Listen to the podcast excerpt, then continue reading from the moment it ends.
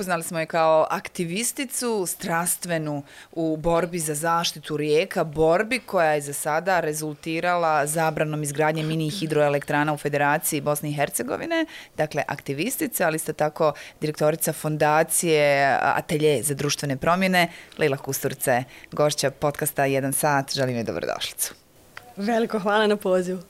Uvijek kad dođu aktivisti i aktivistice na tu stolicu, ja pitam jel se um, s aktivizmom, s tim osjećajem za aktivizam rađa ili se to tako odgaja, uči, i, i, ima li genetika neku ulogu? Kako, kako nastaje jedan aktivista ili aktivistica? Ja bih voljela da vjerujem da u svakom od nas se može izgrati odgovorno mm -hmm. biće. I na kraju to je ono što pokušavamo u fondaciji da radimo. Ali evo, možda za mene, mama je uvijek govorila da sam bila mali advokat od malena. Mm -hmm. Kao ono svakom loncu poklopac. Nekako me uvijek ta nepravda strašno iritirala. Tako da možda je spoj i jednog i drugog. Da.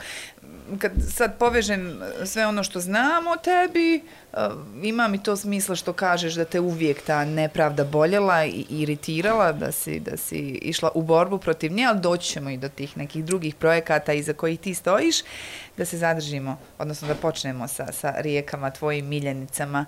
A, rekla sam na početku da, da je ta borba stvarno je bila strastvena, svi smo to pratili, a, rezultirala, da se podsjetimo, vjerujem da znaju gledatelji u veliko zabranom izgradnje mini hidroelektrana, Što zapravo za tebe ta zabrana simbolizira? Pobjedu zajedništva u našoj zemlji. Uh, mi se jesmo borili za rijeke i zaista ljudi širom Bosne i Hercegovine jesu izašli u korita rijeka i nisu dozvoljavali mašinama da dođu i da otimaju vodu koja pripada svima nama. Ali taj pokret je izrodio nešto što je za mene um, ono zbog čega ja jesam aktivistica i zašto se ja u stvari borim u Bosni i Hercegovini, a to je ta ideja zajedništva. Da mi zajedno ujedinjeni kako kažu, kada spojimo i motiku i pamet, a, možemo zaista da ovo društvo izgradimo po mjeri običnog čovjeka. A to znači da on živi dostojanstveno, da djeca imaju što im je potrebno u svojim porodicama, da nam rijeke, šume, zemlja pripadaju nama, da ne može niko biti moćniji od kolektiva i lokalnih zajednica. I to su nekako rijeke iznjedrile. Međutim, iako kad te slušam, to zvuči kao da je bilo jednostavno, sve ti sa velikim osmihom na licu, ta borba, pretpostavljam, nije bila nimalo jednostavna, svjedočili smo a, teškim segmentima i mi u medijima. Koliko je stvarno teška bila ta borba? Ona zaista jeste bila teška. Mm. Nekako pobjeda je učinila da sve ono što je bilo teško i naporno je ostavljeno iza nas. Međutim, moramo napomenuti da ona krenula neki 10-15 godina unazad sa ljudima u Fojnici koji su branili rijeku Željeznicu, koji su preko 300 dana spavali u rijeci, pored rijeke, ne dozvoljavajući da ona bude od njih oteta. Potom hrabre žene Kruščice, 504 dana. Mislim, cijelo selo dežura 24-7 ne da vodu. Niz pokreta, dakle, neretvica, to je isto tako mm. pobjeda koju svjedočimo od prije nekoliko sedmica.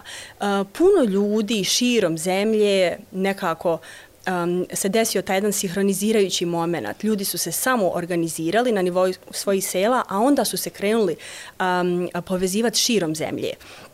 Tu je bilo svega, zaista. Uh, neki naši aktivisti uh, su bili ugnjetavani od policije, bilo je prijetnje, bilo je ponuda razno raznih nemoralnih, da se uzmu novci, da se pusti. To, to me puste... posebno zanima, ne, nemoj da, da, da pređemo olako preko toga. Uh, dakle, pogotovo je zanimljivo što si ti rekla bih u ovom društvu kako jeste žena, aktivistkinja koja je bila tako glasna i toliko eksponirana u cijelom tom procesu i sad ja pretpostavljam da je prema tebi bilo mnogo i evo ponuda koje spominješ i prijetnji Možeš li biti malo specifičnija? Šta je to sve što si proživljavala i kako si se nosila s tim? Jesi li jednog trenutka uh, se prepala, što što je potpuno ljudski i prirodno, i pomišljala, na primjer, da odustaneš, da digneš ruke od te borbe? Možda da sam se u nekom trenutku osjetila usamljenom.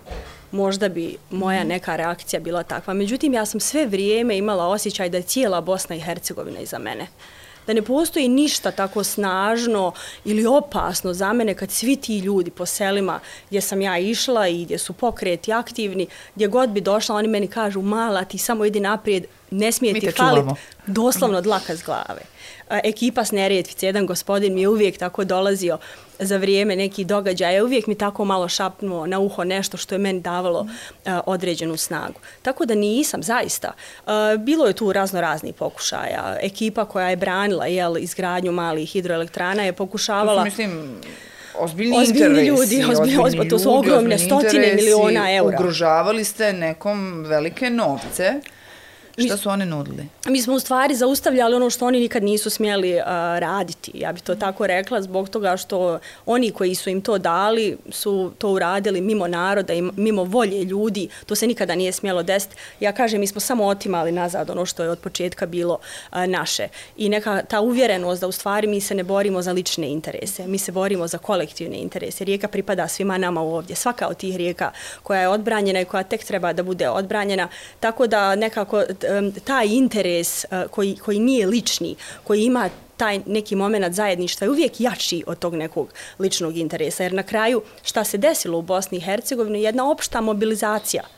Dakle, ljudi iz cijele zemlje, ja to stalno napominjem, Naši prijatelji, kolege iz Republike Srpske su dolazili ispred parlamenta Federacije Bosne Da. i Hercegovine i zajedno s nama se borili za taj zakon. Kao što mi sada se borimo da se sličan zakon, a, odnosno da se sve to zaustavi i i na nivou Republike Srpske. Da, ta borba se i dalje nastavlja, svakako ćemo pričati o onome što slijedi, ka čemu ste trenutno usmjereni, ali opet mi ne kažeš ovo, je li bilo nekih ponuda? Zaista meni meni nije. Evo ti, ne znam, Zaista nije. 100.000, 200. Za meni niko se nije obratio. Mene su e, neki naši, da kažem, istražni organi u nekom trenutku intervjuisali, a, znači sa strane države, ne sa strane si investitora. A, tako, dobila sam ponudu da mi se pomogne, ali bilo vrlo jasno u stvari da je to bio pokušaj da se neke informacije dob, dobiju od nas, da se zna za kakve sve talove mi možda znamo. A, međutim, a, investitorska strana, ona je nekako napadala mene um, i pokušavali su nekako da nekim nemoralnim opisom a, mene kao žene da nekako možda uvjere druge da meni se ne treba vjerovati, ali to Vrlo nije bilo često su uspješno. vas diskreditovali na način što je čest slučaj kad je aktivizam u pitanju da ste vi plaćenici. Da, da, da e, neko injekt, da su to zapravo lični interes. Ti, ti Da, malo čas da. kažeš Plata što je su lični bili interes. kolektivni interesi, a, a oni su vas optuživali da to radite zbog ličnih interesa. Kako se oduprijeti a, tome? Šta, šta se dešava u čovjeku kad te neko optuži vrlo transparentno, javno, oni su, evo i na našem mediju, orilo se o tom vašem plaćeništvu. Šta se dešava dakle u čovjeku kad, kad te tako neko optuži, prozove, imaš li potrebu da vrisneš i, ili te to uopće ne dotiče? U principu, ja sam, najteže u ovoj borbi je stalno ostati fokusiran i stabilan u svojoj glavi. Kao i u svemu što čovjek radi, pogotovo kada ima jako puno napada. Dakle, nama investitori su ili ta skupina bila jedna strana, nam, država isto tako pravila pritiske prema nama, političari i tako, i tako redom. Najvažniji moment je da se ostane nekako stabilan u svojoj glavi i da u našim redovima ne dođe do nekih nesuglasica. I, I u principu meni je bilo potpuno jasno da su oni pokušavali upravo to, da nas destabilizuju na nivou jel, nekom tom ličnom i kolektivnom, kako bi mi u stvari se bavili sobom umjesto borbom. Ja mogu da kažem da e, sam uspjevala te tri godine borbe za zakon da nikako to nije dopiralo do mene. Ja sam stalno gledala moje ljude i bilo mi je važno da mi imamo povjerenje između sebe i to mi je nekako davalo snagu da samo znam da zna, bilo mi je jasno zašto to oni rade. Mi smo imali dokumente ispred sebe gdje smo vidjeli u stvari tu da kažem um, onako laički ta krađa koja se dešavala od ljudi. Bilo mi je jasno koji ljudi o nama nešto govore i sude. Tako da nije uspjevalo da dođe do mog srca. Gledaj, ko ti kaže, a ne šta ti kaže. Ima, ima ta narodna koja vrlo Da. često dobro funkcioniše. A dobro, je li vas iko i na kakav način plaćao kroz sve to vrijeme? Kroz neke projekte, EU fondove, pošto je to tema koja je, kako bi rekao ministar Cikotić i mnogi drugi, seksi u ovom trenutku, okoliš, zaštita okoliša i sjajno da jeste. Je li ikakav novac injektiran u tu cijelu vašu priču? Dakle, mi proživljavamo klimatsku krizu. Uh -huh. uh, uh, oni koji je proizvode, a to su najčešće velike ko korporacije i ljudi koji se vode profitom, jel da kažemo isključivo i ne prezaju od toga da eksploatišu i ljude i prirodu, oni najčešće u stvari, oni koji se borbe, bore, a to su aktivisti širom svijeta, moraju na neki način da napadaju. Ne napadaju nas kroz argumente Ne kažu dobra je mala hidroelektrana. Nekad su i to znali reći, ali kada je postalo jasno da ta argumentacija ne pije vode, onda smo krenuli jel, da mi ne valjamo.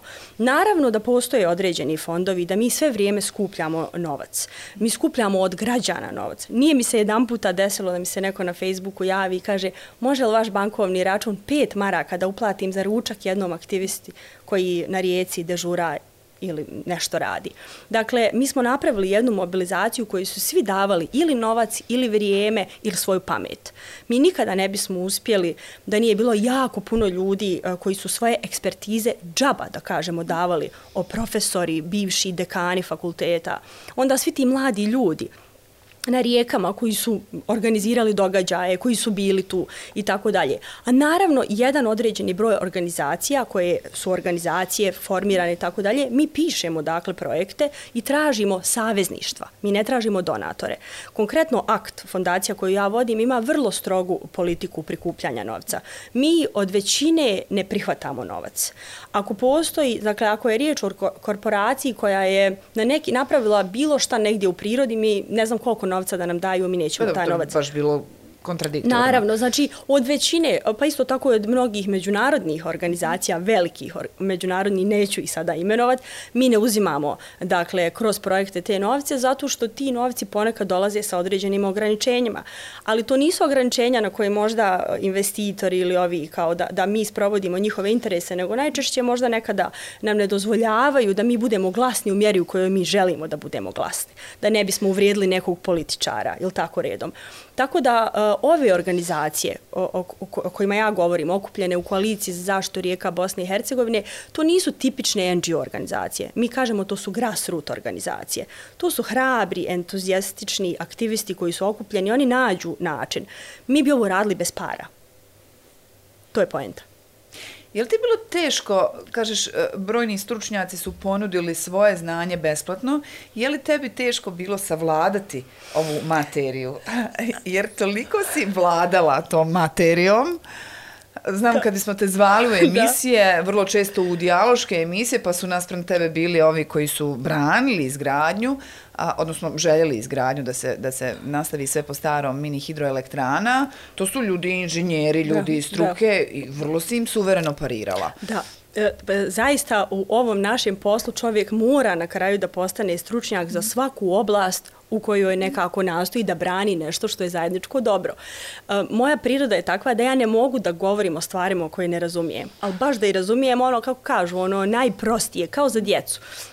Tako da šest mjeseci prije nego što sam ja u stvari, da kažem, preuzela ono što sam radila, ja sam samo sjedla, učila, išla na kafe sa ljudima iz ove oblasti i ono, tražila od njih da mi objašnjavaju do zadnjeg dok meni nije ono to sjelo. I u principu u onom trenutku u kome sam ja shvatila da kažem da mogu svakome da ispričam na jednostavan način, ja sam znala da vladam stvarima.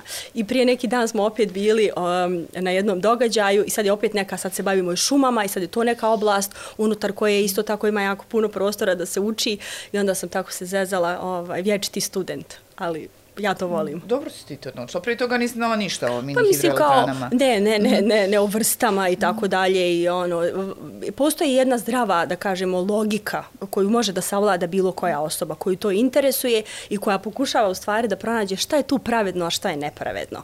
I, i vođena time nekako sam shvatila da smo mi prevareni. Da. Koliko si znala o, našom, o našem a, kako bi se to rekla, vodopotencijalu. Koliko smo mi uopće svjesni potencijala kojeg u tom smislu ima Bosna i Hercegovina? Mi, mislim da nismo. Mm -hmm. I, I ne samo u smislu jel, rijeka i voda, nego i šuma i prosto tog pezaža naše zemlje. Mnogi stranci koji nam dolaze često kažu vi niste svjesni, vi živite u jednom velikom nacionalnom parku i um, budi se ta svijest. Ne možemo da kažemo da naši građani, vidimo ova borba za mali, protiv malih hidroelektrana za rijeke je pokazala u stvari koliko građani, kad im je jasno da mogu nešto da urade i kada je to nešto konkretno, onda se oni zaista i uključe. I ja se stvarno nadam da mi samo imamo 3% zaštićene teritorije u Bosni i Hercegovini. Slovenija preko 50%. Dakle, to je sljedeći korak. Ne samo da nešto branimo, nego da i zaštitimo. E, da se onda time upravlja na adekvatan način način.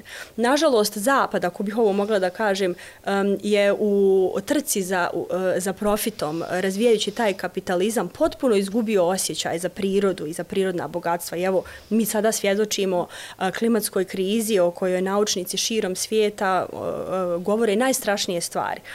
Više strašne nego što to čo, običan čovjek može da razumije u ovom trenutku šta nama planetarno slijedi. Mi ovdje imamo odgovornost da ne dozvolimo da se to desi. Nama još uvijek to nije došlo i ne, i ne trebamo ni da dozvolimo da nam dođe. Mi trebamo da živimo od zaštite prirode. Često sam govorila da je Bosna ljepša od Švicarske. Ima veći potencijal od Švicarske. Samo treba nekako da ovi koji nam donese, donose odluke da nas čuju i da zajednički napravimo dobre strategije i projekte rekla sam malo čas, kad ljudi vide da mogu nešto konkretno uraditi, kad im se predoče konkretni koraci koje mogu napraviti, onda se ljudi ujedinje i usmjere, ujedine i usmjere ka određenom cilju. Međutim, m, nije to baš tipično za bosansko-hercegovačko društvo ovo što se desilo sa, sa vašom pričom. Nije, nije. Malo, imamo mi i drugih problema. mnogo problema, ali malo nas kad nešto tako ujedini. Kako to da smo rijeke prepoznali? Šta misliš, šta je razlog? Kao, kao, kao nešto što nas treba ujediniti da smo se tako odazvali? Puno volim o tome da govorim, mm. zato što mislim da postoji čarobna formula. I ovdje je čarobna formula bila da ljudi na lokalu koji se ticao recimo taj problem su prvi ustali i rekli ne damo. E, dakle, na nivou sela naših, tamo gdje jel, naše rijeke prolaze, od kojih zavisi poljoprivreda, i stočarstvo, ljudi su rekli ne damo. Po cijenu da dobijemo otkaze, po cijenu da nam, kao što se dešavalo, učitelji maltretiraju djecu u razredima, zato što roditelji idu i brane rijeku, a to naravno da ne odgovara nekim vladajućim strukturama. Znači, desila se ta neka inicijalna hrabrost i ujedinjenje. Naravno da je bilo jako puno problema. Zamislite sad sela koja su isto tako podijeljena, kako je Bosna podijeljena, koja se iznenada ujedinjuju i ne daju. E onda se desilo da e, e, ljudi koji brane prirodu, koji vole prirodu, su prepoznali da tamo se dešava neka vrsta e, otpora i krenuli su da nude svoju pamet. I to je stvarno dugo trajalo. A onda se desio taj jedan moment, ja bih rekla tačka ključanja, kada e, su se određene figure u našoj zemlji uključile, kada je nastao, nastao, mi smo počeli da vjerujemo da mi ovo možemo da uradimo. I ja sam pratila ovaj pokret neke dvije godine, tri prije nego što sam mu se priključila, sam tad živjela u Srebrenici i uh, ja sam jednostavno vidjela da je to ono u što ja vjerujem. I kako to već bude, kad ima dovoljan broj ljudi, ne mora to biti puno ljudi koji vjeruju i koji uspijevaju svoje sujete ega i tako dalje i taj stres strašni, nespavanja, iscrpljenosti, da nekako savladaju i da ne odustaju čak i kada je potpuni mrak. Ja mislim da je to jedan od ovih e, segmenata te formule. Bilo je trenutaka kada je apsolutno izgledalo da je mrak i da nećemo uspjeti. Mi smo žmirili, rekli mrak je zato što mi žmirimo, ali mi ćemo uspjeti. I e, ljudi su to prepoznali. Gdje god da smo išli, ljudi su govorili, vi branite rijeke, ali vi vraćate nadu. I to je. Ja. Strašno mi je važno da, da porazgovaramo, da negdje detektujemo, mislim kako si sama rekla, ima više faktora, razloge za, za uspjeh te vaše kampanje i priče. Poredim, na primjer, sad sa situacijom koja se najčešće, nažalost, dešava u kantonu Sarajevo, to su ove tragedije Saobraću. na cestama i negdje se pitam, Lejla, što nismo svaki dan na ulicama? Dakle, okupili smo se poslije ove posljednje, kad je stradala mlada djevojka Azra, okupili smo se neki solidan broj građana na ulicama i čini mi se da smo već, evo, 15 dana nakon utihnuli. A to je ko zna koja e, tragedija tog tipa koja se desila. Kako, kako na smrt naše djece ne ujedini da smo stalno da im lupamo tamo pred zgradama riješte? Nekako je žalosno, ali postoje određeni problemi ili tragedije koje nas parališu ne daju nam baš snagu, nego nas možda samo još više zatvaraju i više nam um, daju taj osjećaj bespomoćnosti. I možda je ova neka situacija u kojoj, obzirom da su mladi ljudi, jer stalno mladi ljudi gube život, i postoji ta emotivna dimenzija svakog čovjeka koji to procesuira na svoj način.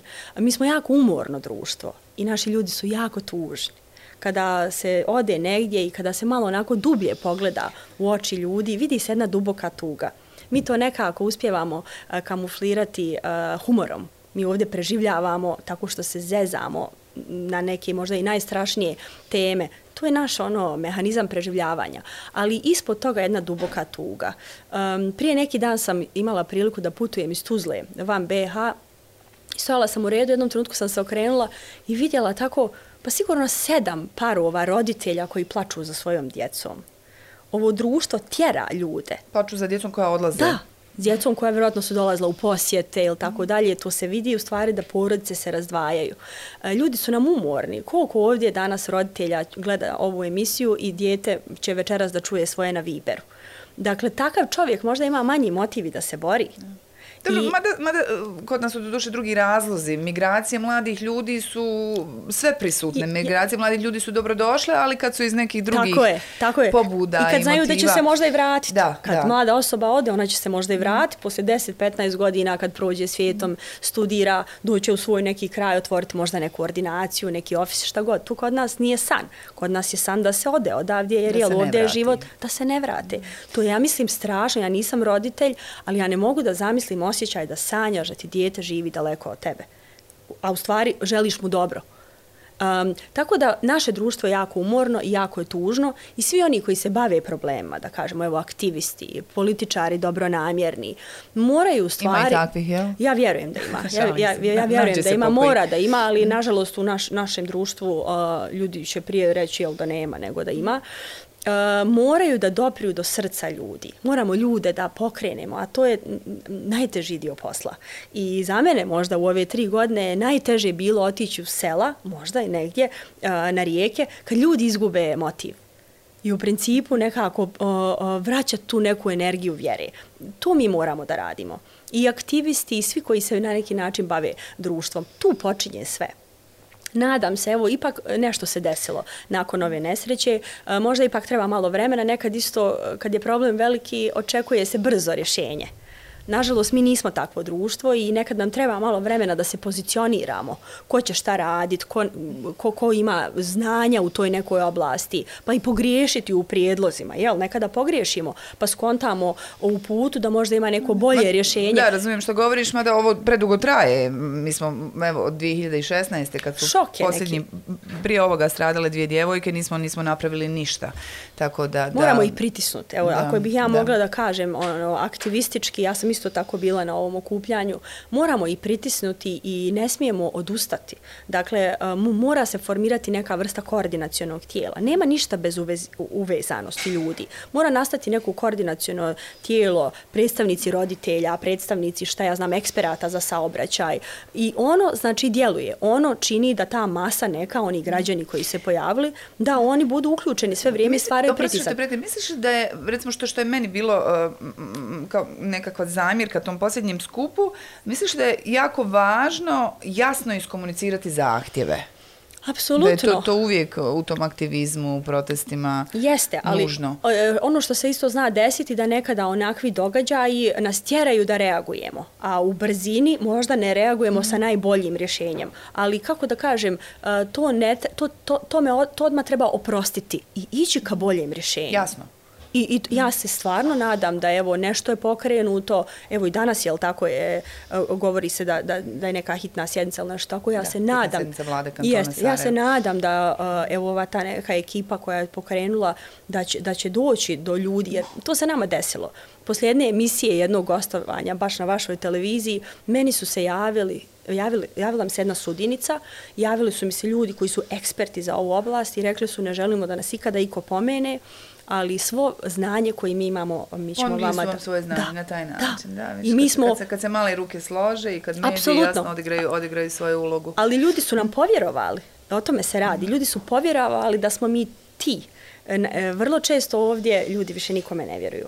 Poslije te emisije nam se i Hanka Paldum javila išla na Neretvicu. Pozdravljamo dragu veliko hvala. koja gleda redovno Jeste. program N1 televizije. A, zapravo ste vi na neki način nama svima vratili nadu da su promjene ipak moguće. U društvu koje je počelo dizati ruke od ideje da su promjene moguće, ti si mene danas kad smo razgovarali ranije rekla ja, ja apsolutno vjerujem u promjene.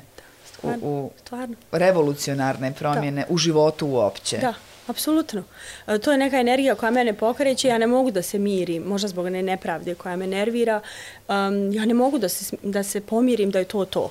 I nekako dokle god ono možemo da dišemo, dokle god možemo da proizvodimo emocije i misli, mi možemo ovo oko sebe da mijenjamo, koliko god da je to teško.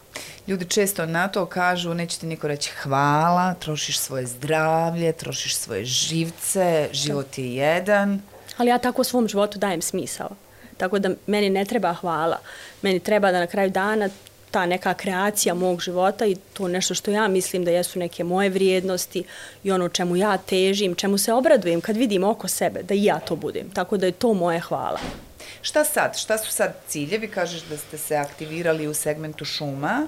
A, kad su rijeke u pitanju, dakle, da. zabranjena je daljnja izgradnja Tako. mini hidroelektrana u federaciji, međutim, za ugovore koji su već započeti, to ne važi, oni će je. se realizirati do kraja. Je li cilj ovakav zakon imati u Republici Srpskoj, s obzirom da ste bili ujedinjeni Absolutno. po tom pitanju? Šta su vam ciljevi, šta dakle, su vam planovi? U, u ovom trenutku nije moguće planirati nove, niti graditi nove male hidroelektrane, međutim, kao što si rekla, svi koncesioni ugovori koji su zaključeni do zakona, do donošenja zakona, imaju roko tri godine da budu sprovedeni u djelo, tako da kažem. Mi to naravno pratimo i mi ne dozvoljavamo. U ovom trenutku e, čekamo raskid koncesionog ugovora za bunske kanale, iako su male hidroelektrane dvije izbrisane iz prostornog plana. To je dakle da kažemo borba koja i dalje traje i u kojoj i dalje svi učestvujemo i ne odustajemo dok stvarno ne bude ono sve um, tu izbrisano i završeno i poništeno. Um, imamo dakle sad slučaj pobjede um, na rijeci Neretvici gdje su stvari aktivisti iz Buturović polja uz podršku mnogih, ali ovo je najviše njihova pobjeda. Njihov slogan je bio krv ili voda uspjeli su da natjeraju elektroprivredu Bosne i Hercegovine da raskine koncesijni ugovor. I to je zaista jedna ogromna um, uh, pobjeda gdje se u stvari pokazalo da ujedinjena sela mogu sve. I kad ih se ne pita na koji način oni hoće da uh, se kreće razvoj njihovih lokalnih sredina, onda kad se oni ujedine, kad kažu ne, nema šanse. A, imamo dakle slučaj Doljanke, a, Mirza Teletović je izgradio malu hidroelektranu, a, svi sudski a, procesi koje smo mi pokretali su u stvari, presu, a, dobili smo presude u svoju korist. Faktički, ako bi ja mogla ovako pojednostavljeno da kažem da je ovo pravna zemlja, ta mala hidroelektrana bi bila srušena. Dakle, jer toliko je neregularnosti napravljeno u putu, a zbog, zbog jednostavno vremena donošenja presuda, jer su procesi trajali po tri godine, on je napravio malu hidroelektranu za koju su sudski procesi potpuno nešto drugo rekli. Imamo trenutno slučaj rijeke Ugar na Vlašiću, gdje pokušavamo da također raskinemo koncesioni ugovor za malu hidroelektranu e, Babanovac, jedan prelijep lokalitet e, koji e, sportsko ribolovno društvo Srednje Bosanskog kantona, dakle koristi i tu imaju značajne vrste riba.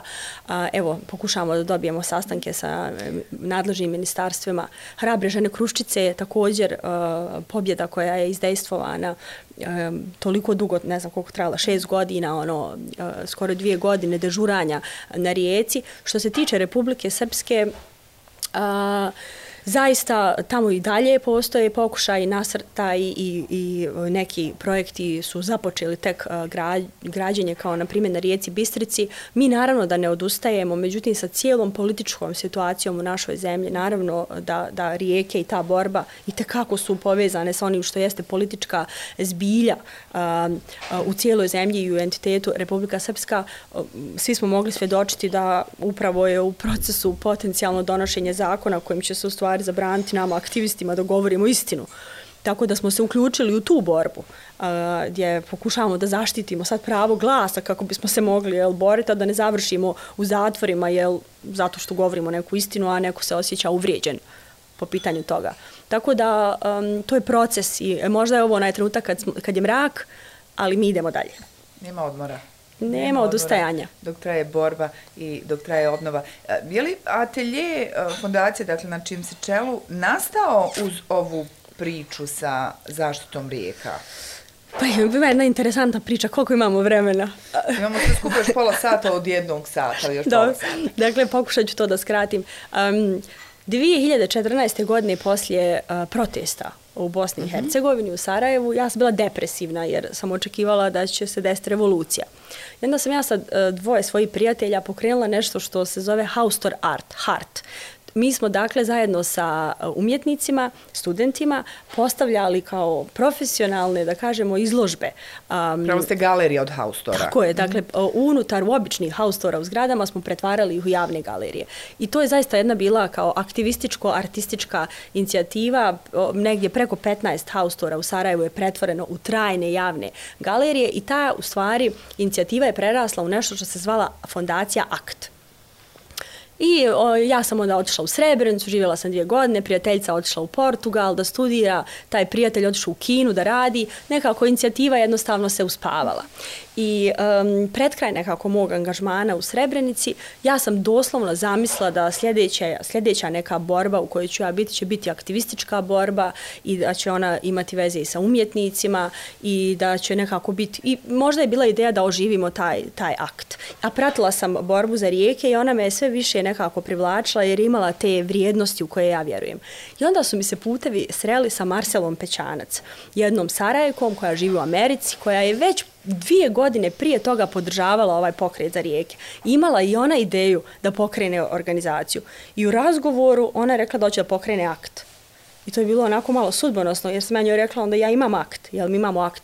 I mi smo onda u stvari pokrenule fondaciju koju je ona osnivačica, a ja sam direktorica. I prva naša borba je bila nastavak u stvari borbe podrške za rijeke u kojoj sam se i ja uključila. I ti zapravo toga živiš? Da, ja vodim tu organizaciju, nas ima uh, i volontera i ljudi koji rade u timu, ima nas nekih recimo stalno petero, uh, gdje mi u stvari pokušavamo da napravimo jedan, jedan tim uh, stručnih prije svega osoba, hrabrih, uh, koji 24-7 uh, rade na zaštiti prirode u Bosni i Hercegovini. Koliko među mladim ljudima, mladim generacijama vidiš te hrabrice? Pa ima, ima li takvih? Ima ih. Ja, ja imam sreću sa dvije koje su tužene od strane belgijske firme. Tužene su za navodnu klevetu jer brane svoju rijeku u istočnom Sarajevu. Sara je Sunčica, pozdrav za Saru i Sunčicu. A, imam priliku s njima da radim. One imaju 25 godina i hrabrije su od, ne znam, ono, većine ljudi koje sam ja u životu srela. Ima ih. Jel se ti osjećaš hrabrom ženom? Bi rekla za sebe da si hrabra žena? Pa ja nemam strah. Jel? Ako je to, um, nemam strah, mene je jedino strah sebe. uh, u, u nekom tom smislu da možda da, da ne ostanem vjerodostojna stvarima u koje ja vjerujem. Toga me jedino strah ali kada mislim da radim... U smislu da ćeš izdat ideju ili... Da, možda neću imati snagu da mm -hmm. ostanem na razini u svojih uvjerenja. To mi je možda, možda jedina neka bojazan kad pomislim o strahu. Ali u smislu da ću prestati da djelujem ili da imam takve trenutke, nemam. Kao, za mene to nije stvar izbora. Ja moram da radim to što radim. To je tvoj pokretač. To je jednostavno kako ja vidim svijet. Ljudi oko tebe, ili se oni nekad boje za tebe, bliski da, da, ljudi da, oko da, tebe? Da, da, da, nažalost, da. to mi bude žao. Ali nekako ono, znaju da sam to ja i ono, možda moja mama, izlagati, koja moja, ona ne, neće biti drago, često je znam Na mame prvenstveno mislim. Da, da, ona me kaže, moraš li ti uvijek, možeš li malo nekako po strani. neko drugi. Kao budi ti tu, ali može malo nekako po strani. Moja, moja isto to kaže, možeš ti uvijek nekako ja, onako glasno na onoj televiziji, dobro. pa se svima daj, možeš li malo to. Nekako. Ali njoj kaže, mama, ono, ja, vjerovatno neka i tvoja zasluga što sam ja takva, tako da nemoj mhm. sad da se ja sklanjam. Kao, nisam krv na... nije voda, kako ono malo čas bilo... krv ili voda, krv ili krv voda, nije voda. Ovdje, ovdje je krv, krv nije voda. Spomenula si Srebrenicu nekoliko puta, da si dvije godine živjela u Srebrenici. Uh, šta su bili tvoji razlozi da ideš? Ti si zapravo Tuzlanka koja da. živi u Sarajevu. Tako je. A dvije godine si provela da. u Srebrenici. Dvije, Zašto? 2018. i 2019. godinu sam provela unutar tima SOS Dječja sela sa još predivne tri kolegice. Smo podržavale stotinu srebreničkih porodica koje su bile ugrožene na način da su, im, da su bili pod prijetnjom da im možda djeca budu oduzeta zbog siromaštva ili um, loših ili neadekvatnih roditeljskih vještina i tako redom. I taj tim je pružao u stvari podršku. To su sela po neki 70 km oko Srebrenice.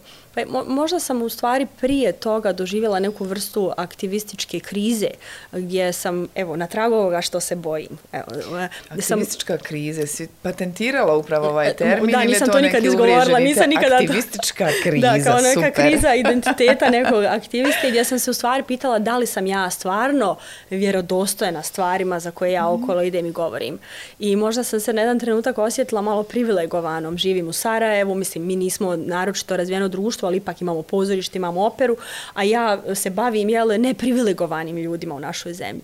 I onda sam zamislila da sljedeće u stvari neka moja aktivistička a, misija će biti negdje, što, a da to nije neki urbani grad. I nekako je tako e, desilo se da je to bila Srebrenica i ja sam ono znala da je to to. Bila sam tamo dvije godine i za mene je to predragocijeno iskustvo. Upoznala sam neke od najdivnijih, najhrabrijih ljudi, žena, naročito majki, mladih majki, koje su mi ono pokazale šta je stvarna hrabrost i borba za život. A onda mi je pomoglo da razumijem više bosansko-hercegovačkog čovjeka da razumijem šta njega pokreće. I sigurno da znanja koja sam tamo nekako skupila u smislu nekog životnog iskustva i profesionalnog mi je jako koristilo u ovoj borbi za rijeke. Um, nekada bi moje kolege nešto predlagale da mi radimo, ali nekako ja sam intuitivno osjećala da to, da to nije ono što dolazi do srca ljudi. Uh, dvije godine živjeti na terenu, kogod je to uh, iskusio, zna da se tu uči ono, baš, baš puno. O ljudima. Srebrenica je um, specifičan grad, Srebrenica ima tu svoju istorijsku težinu. Da. Um, Srebrenica je na neki način i grad kojem smo pomalo i okrenuli leđa. A, kako se živi u Srebrenici? Hm. Šta nedostaje u Srebrenici? Ljudi. Neki dan sam čitala otvorene, ne znam, pekara ili ovako nešto. Kad odem u Srebrenicu i mi smo redovni u Srebrenici, nažalost, najčešće smo svi um, redovni za godišnicu genocide, onda se povučemo i nestanemo. I, I vidim zapravo koliko stvari nedostaje, pitam se kako ljudi žive. Vrlo teško, vrlo teško i e, jednog momka od 21 godinu Ibrahima sam jedan puta pitala kada bih ja imala čarobni štapić da uradim jednu stvar za tebe, za Srebrenicu, šta bi to bilo? On mi je rekao dovedi ljude ovdje. Mm -hmm nema ljudi. On kaže, mi izađemo u kafić, nas 30 muškaraca, kao ono, kao ne možeš ni s kim ni da flertuješ. A, mislim da je to možda najveći problem, e, da naša politika, tako ću to reći, nije napravila neku stratešku odluku prije 20 godina da ulaže strateški u Srebrenicu, da se pokreću IT centri. Zašto nego dijete, ne znam, iz Španije ne bi došlo i živjelo u prirodu i studiralo programiranje u Srebrenici? E, priroda oko Srebrenice je nešto za što ljudi plaćaju grdne novce u Evropi da odu, da žive u nekim kolibama, da je to nekako sve ono divlje.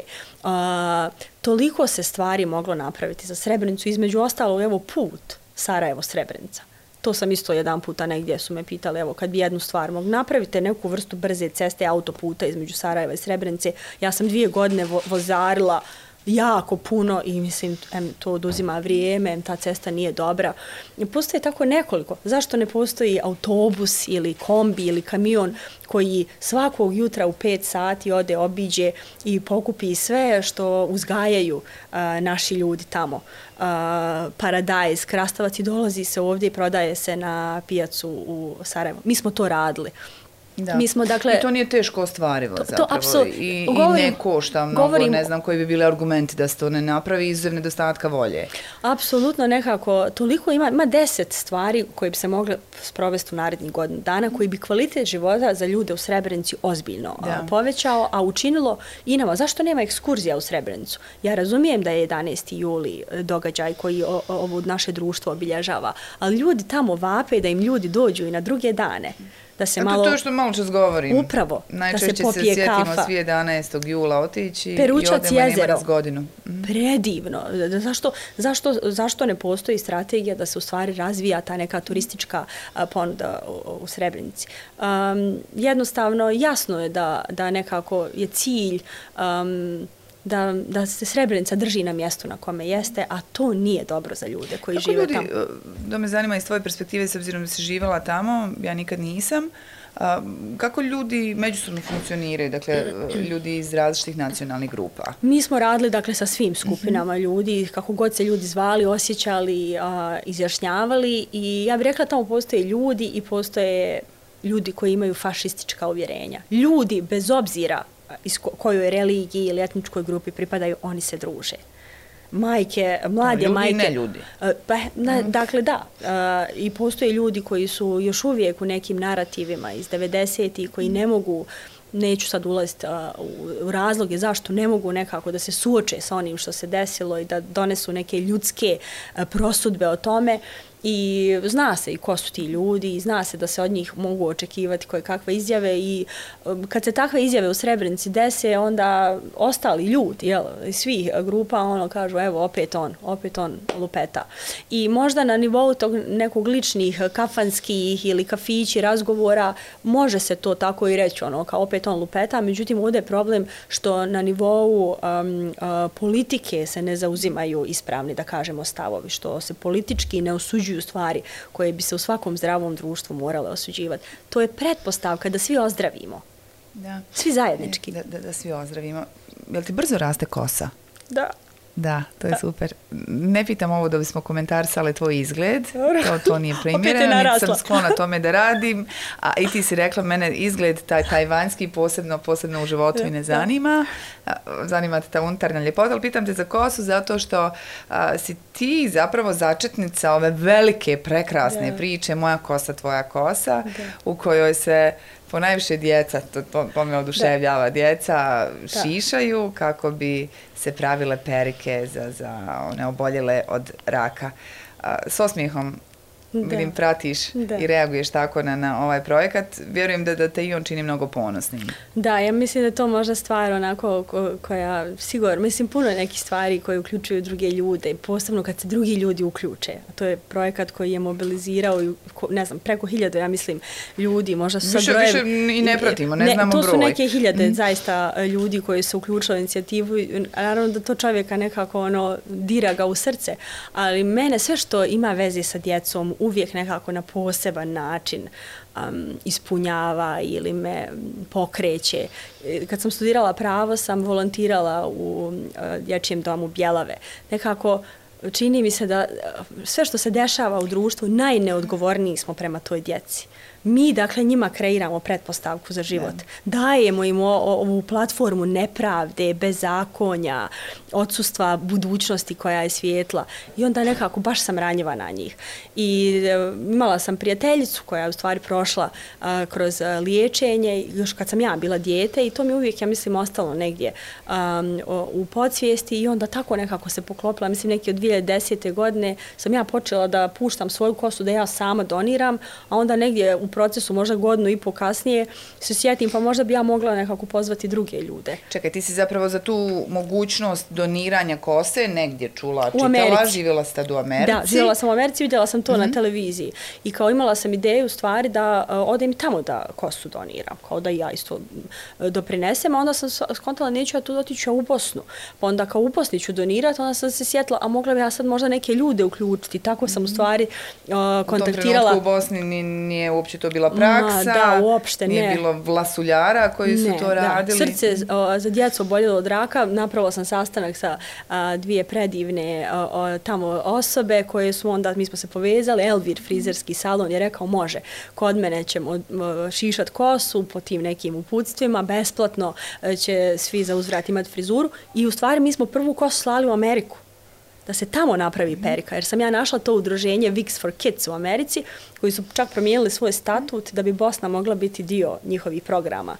Ali onda srce uh, je došlo na ideju da u stvari oni obuče ljude ovdje u Bosni da oni prave perike. Tako da sad svaka I djevojčica... sad je ta priča, Da, da, živi da. svoj život, Živ- da, živi da, svoj da. život, i, Jamra Džeko se Da, uključila puno ljudi se onako srčano i mnogo ljudi u tu cijelu fantastičnu priču. Meni je zapravo najljepše kako smo, ovo što sam ti malo čas rekla, fascinira me što djeca u najvećem broju doniraju yes. kosu, kako smo kroz tu priču djecu naučili i učimo i solidarnosti, yes. humanosti, evo malo yes. drugačiji narativ od ovog yes. koji si malo čas spominjala da im ostavljamo neku, neku Upravo tako, u stvari, to je ono, platformu. ono što smo malo čas mm. spominjali, kad ljudi imaju neki konkretan način da urade nešto dobro i korisno, ljudi se onda uključuju. Ja stvarno um, vjerujem da ljudi suštinski jesu dobri, da okvir od nas pravi nešto što nije dobro i da u svakom od nas pod određenim okolnostima je moguće izvući neke stvari na koje ne bismo bili ponosni.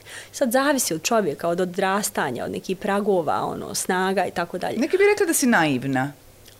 Ja vrlo nisam naivna. Mm -hmm. E, možda um, dopuštam sebi da sanjam stvari u koje vjerujem i borim se Mene za njih. Mene to nervira, znaš, kad ti ljudi kažu da si naivan zato što što vjeruješ e, u ljude, što vjeruješ da su ljudi bazično dobri, a ne loši, ja. pa ti ono kažu ti si naivna da. ili naivan ti nemaš pojma. Ja, ja mislim da možda kao, taj narativ se može popraviti um, činjenicom da Mislim, ne znam ni šta znači biti naivan, dopušta da te neko prevari, da te razočara, iznevjeri. Ja sam svega tog svjesna.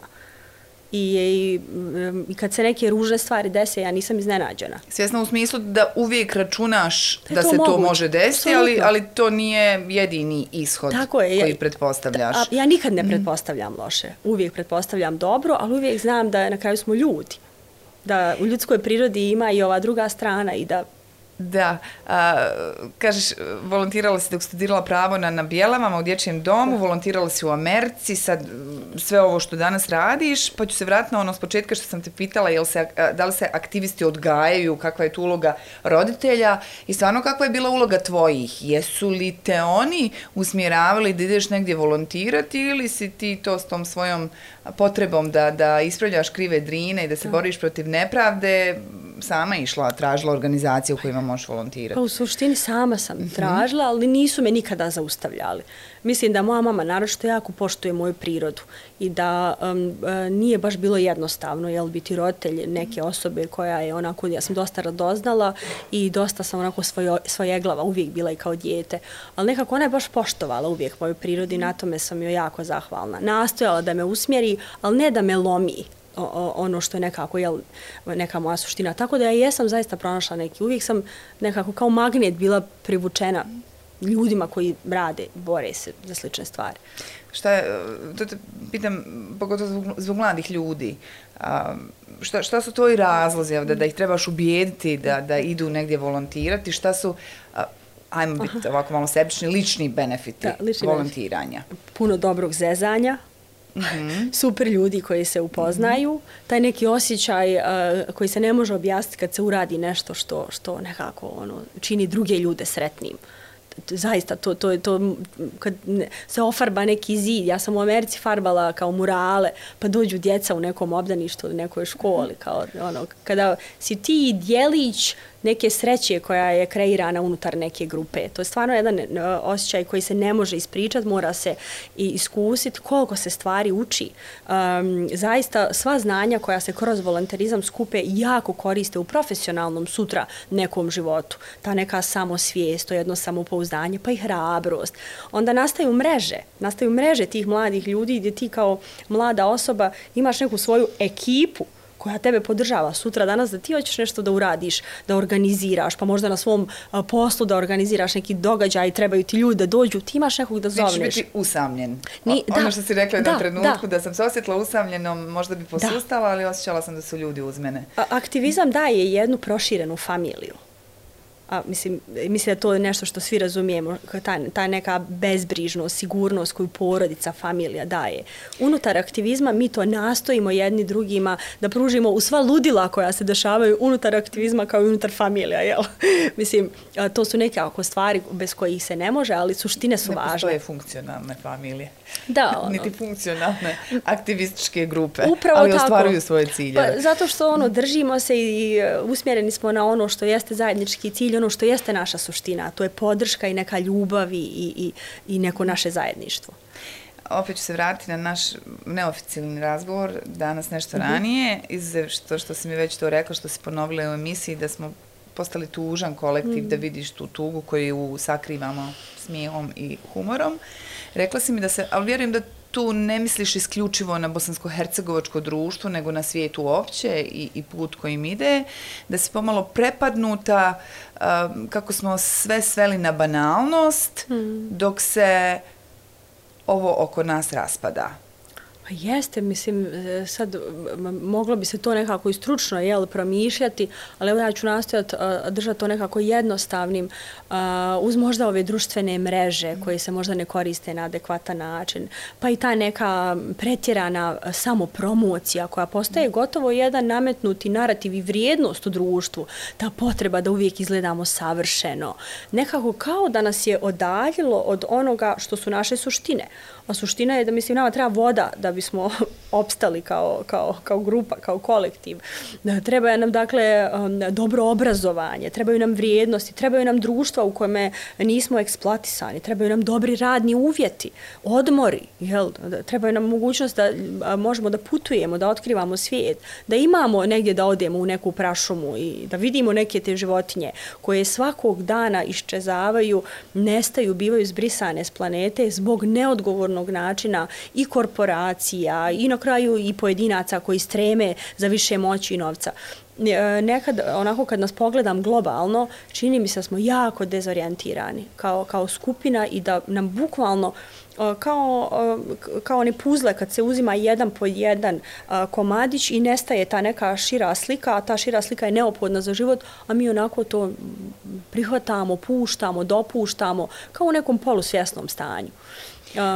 Misliš li da smo, da smo, mislim već znam to odgovor, upravo previše fokusirani na, na spoljašnjost, na, na, na pakovanje, na fizički izgled, dakle baš ovo što si ti meni rekla da, da tebe puno ne tangira. Da, evo, ja, mogu, ako mogu... Uh, A, vrlo je, oprosti, zanimljivo sad opet da. ispada kao da ja komentaršujem tvoj fizički izgled, ali vrlo je zanimljivo čuti perspektivu osobe koja, dakle, uz sve kvalitete ima zaista i van serijski fizički izgled. Hvala. Hvala, to je uvijek lijepo čuto od, od žene. komplimenta, van serijski fizički izgled. Pa ti, ja, pa kako si jedna malo čas rekla, aktivistička kriza, a ja sad van serijski fizički izgled. Imamo nove termine kako za... Kako smo vam politički korektne, za dobro, van serijski. Baš imate van serijski Misli, fizički est, izgled. Estetika i njega je, je važna i nikako ne mhm. bih željela da neko pomisli da ne trebamo brinuti o sebi, ono, kao vidi se, na ljudima se može vidjeti kada oni brinu o sebi. Međutim, evo, sa mojim prijateljicama sam se šala kad nam se posljednji put desilo da se neko nekome nabacuje u dva, u dva tako što recituje poeziju. Kao, to se ne dešava tako često. Uh, ili, niko. E, da, mislim, Dobro, dešava se, ali... ne nabacuje niko nikako, nego samo. u, to, u to sumljam, ali evo, evo poziv da, da, da se šalju pjesme. Ne, ne, ne. ne. um, dakle, nekako stvari koje jesu istinske vrijednosti, koje, za, koje, za koga treba da stoji neko znanje, neka, neko filozofsko promišljanje ko sam ja kao biće, to kao da nije važno. Važno da se na Instagram stave neke filteri, neke slike, da, da se slika šta je ko jeo, gdje je bio, um, kad odemo evo, i na rijeke ili vidimo ljude koji automatski vade telefone da nešto snimaju, nisu još uvijek očima uspjeli na, da, da udahnu taj, taj neki prizor. Ali evo da nema tih društvenih mreža i one su sigurno dale ogroman doprinos, Absolutno. na primjer, u, u vašoj zagovaračkoj Apsolutno, kampanji. Nikako nisam mm -hmm. protiv platformi koje ujedinjuju ljude i koji čine da mi možemo neke poruke ono da distribuiramo do što većeg broja. Međutim, govorimo o ovoj nekoj zloupotrebi, jel?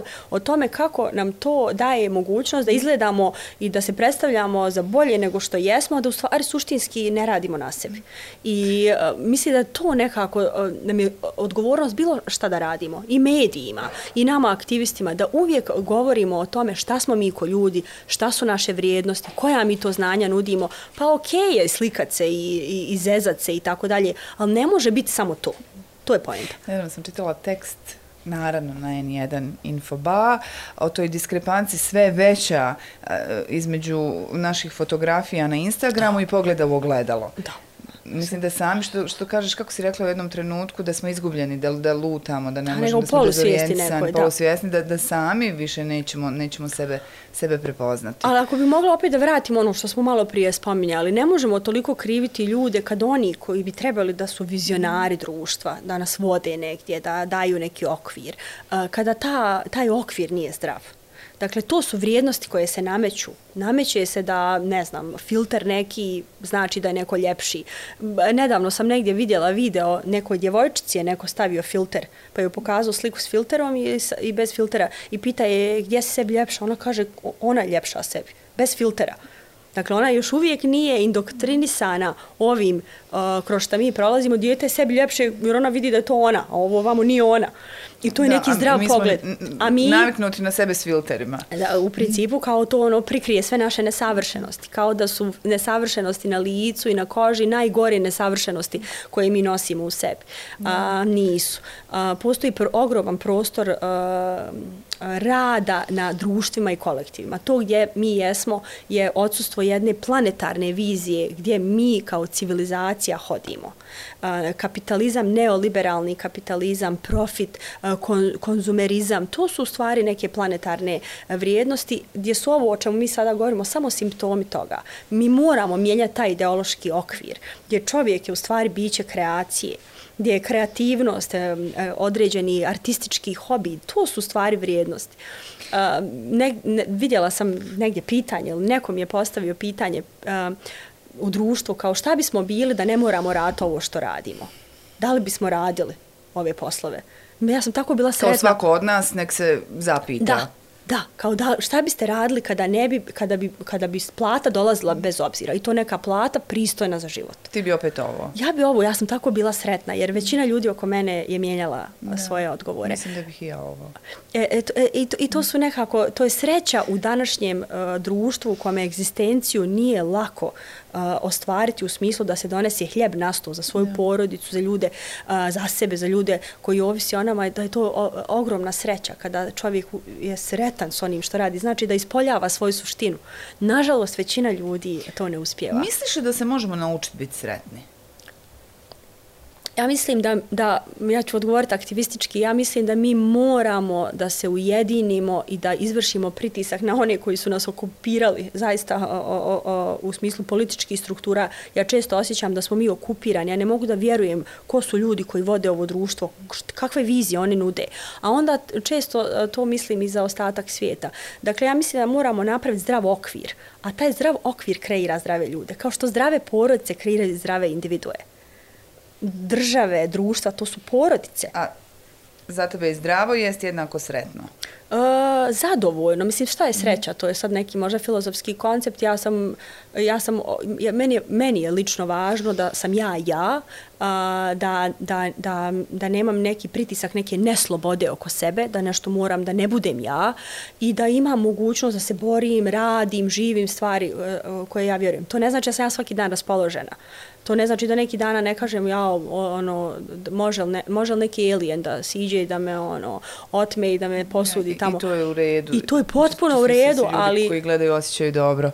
Apsolutno, dakle, e, osjećanja su nešto jel, što e, varira, nekad smo gore, nekad smo dole, ali ono što je neki širi pogled na naš život svakog od nas, da li mislimo da smo imali fair prilike u životu, da li smo mogli svoje snove da ostvarimo, da li zarađujemo na poslu dovoljno, da li imamo vrijeme da možemo sa porodicama, sa prijateljima otići na godišnje odmore, možemo li te godišnje odmore da platimo, kada imamo e, neke mentalne možda krize, ima li taj neki zdravstveni sistem koji će nam pružiti podršku, a, podršku kada se nešto desi, da li o, vjerujemo u naš zdravstveni sistem, da li kad pošaljemo djecu u školu, drago nam je sa pameću s kojom se oni vraćaju ili ne možemo da vjerujemo što djeca tamo uče. To je za mene sreća. Da.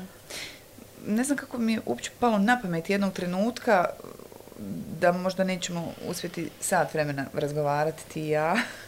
Mogli bismo jo, još tri. Pet. A, ali nećemo, ljudi, ne brinite, imamo još par minuta. Htjela sam da te pitam, a, nedavno sam mi to islala, a evo, zaboravi smo zamalo. Ovaj projekat a, sedmice istraživanja... Da Jeste, sedmica nauke na Neretvi. Na Neretvi, sedmica nauke na Neretvi, to, to je ispravno ime. Da. Da. Šta se desilo u, da. u toku te sedmice? Dakle, unutar ovog našeg savezništva mm. koje je šire jeli, od Bosne i Hercegovine, na regiji imamo a, a, savezništvo koje se zove Savez odbranimo rijeke, rijeke Balkana, gdje su se obični ljudi, dakle, iz Srbije, Crne Gore, Kosova, Bosne, Hrvatske, ujedinili u odbrani a, voda, a onda na nivou Evrope imamo nešto se zove Save the Blue Heart of Europe. Spasimo plavo srce Evrope. Dakle, naše rijeke ovdje na Balkanu su posljednje divlje rijeke u Evropi u kojima postoji još uvijek živi svijet. Neretva pripada, da kažemo, tom sistemu i već drugu godinu zaredom, a, prošle godine preko 50, ove godine preko stotinu naučnika, aktivista se okupilo sedam dana blizu izvora Neretve. Iz regiona? Iz cijele Evrope, 19 zemalja Evrope. Ok, super. Dakle, sedam dana, evo, mi smo se vratili prije neki dan, od 30. maja do 7. juna smo proveli, oni su došli sa svom svojom opremom, izučavali su e, sav e, e, živi svijet koji tamo postoji, znači od vodozemaca, leptira, Bilo šišmiša. revolucionarnih otkrića. Prošle godine su otkrili novu vrstu koja se sada mhm. zove po neretvi Beura neretvansis, dvokrilac insekt, dakle, opisan, ušao zvančno, znači, u, u, u nauku. 1300 vrsta je pronađeno pronađeno prošle godine, 24 nove za BH, a 8 za svijet, za nauku, znači nove vrste. E, ove godine ponovo su rekli da su pronađene nove vrste, ali evo sačekat ćemo zvančne izvještaje. E, sve, zašto se to radi? Zato što je rijeka Neretva vjerovatno jedna od najdragocijenijih rijeka u smislu biodiverziteta, raznolikosti živog svijeta u rijeci i oko rijeke i rijeka koja je najviše napadnuta sa 70 hidroenergetskih projekata. Za ljude možda koji ne znaju, gradi se hidroelektrana u ulog iznad Kalinovika, dakle, koja već je i kako osujetila, uništila kanjon rijeke Neretve, koju, koju evo, i, i, borimo se i aktivisti, ali nekako ni vlasti, ni investitor, niti imaju sluha. Bernska konvencija je rekla da se da su prekršene dakle, odredbe konvencije da se gradnja mora momentalno zaustaviti. Međutim, evo, mi smo se vratili, um, kinezi su uh, dovedeni iz Kine, dakle ljudi grade, um, ne zaustavlja se. Mi naravno da nećemo odustati, opet kažem, to su oni trenuci kad ne izgleda izgledno da ćemo pobijeti, ali nećemo odustati. Uh, ono što je dobro je da uh, uzvodno od te velike hidroelektrane um, će se zaustaviti projekat gradnje sedam malih hidroelektrana i da će se to u stvari područje proglasiti zaštićenim uh, staništom Neretva. Naravno, jel, Doljanka, Neretvica, rijeka Ljuta na kojoj je planirano devet malih hidroelektrana, sve su to u stvari rijeke pritoke, a, rijeke Neretve, za, mi se i dalje borimo i nećemo odustajati. Svi ovi nalazi nam jako puno pomažu u smislu argumentacije. I zaista ovi 7 dana, ja sam se tek vratila, ja mislim da sam još uvijek pod utiscima a, biti s ljudima koji ono pričaju o vrstama, koji to, svi ti naučnici su došli potpuno besplatno, bez honorara su došli sedam dana, uzeli svoje godišnje odmore i naučnici iz Bosne, a iz Evrope, da u stvari uh, daju, da kažemo, svoja znanja, svoje vrijeme u zaštu jedne rijeke za koje oni svaćaju da je važna na nivou Evrope. U Albaniji rijeka Vjosa je nedavno proglašena za divlja rijeka nacionalni park, prvi takav u Evropi. Mi se nadamo da će drugi biti u BH. Eto, sjajna poruka za kraj. Baš sam uživala. I ja isto. I, i mislim da, da kroz tebe, apropo a, vrijednosti koje kao društvo njegujemo ili ne njegujemo, ipak kroz tebe i kroz razgovore medijske s tobom odašiljemo i poruke o nekim drugačijim boljim, važnijim vrijednostima u odnosu na, na, na spoljašnjost. Hvala ti mnogo, Leila. Hvala puno. Naši ljudi su dobri. To je neka moja završna poruka. Ono, trebamo i pomoć da nekako da, da i djeluju u skladu sa tim. Mnogo hvala. Kusturica bila gošća podcasta 1 sat. Ostanite naravno uz N1 televiziju. Mi se družimo već narednog vikenda.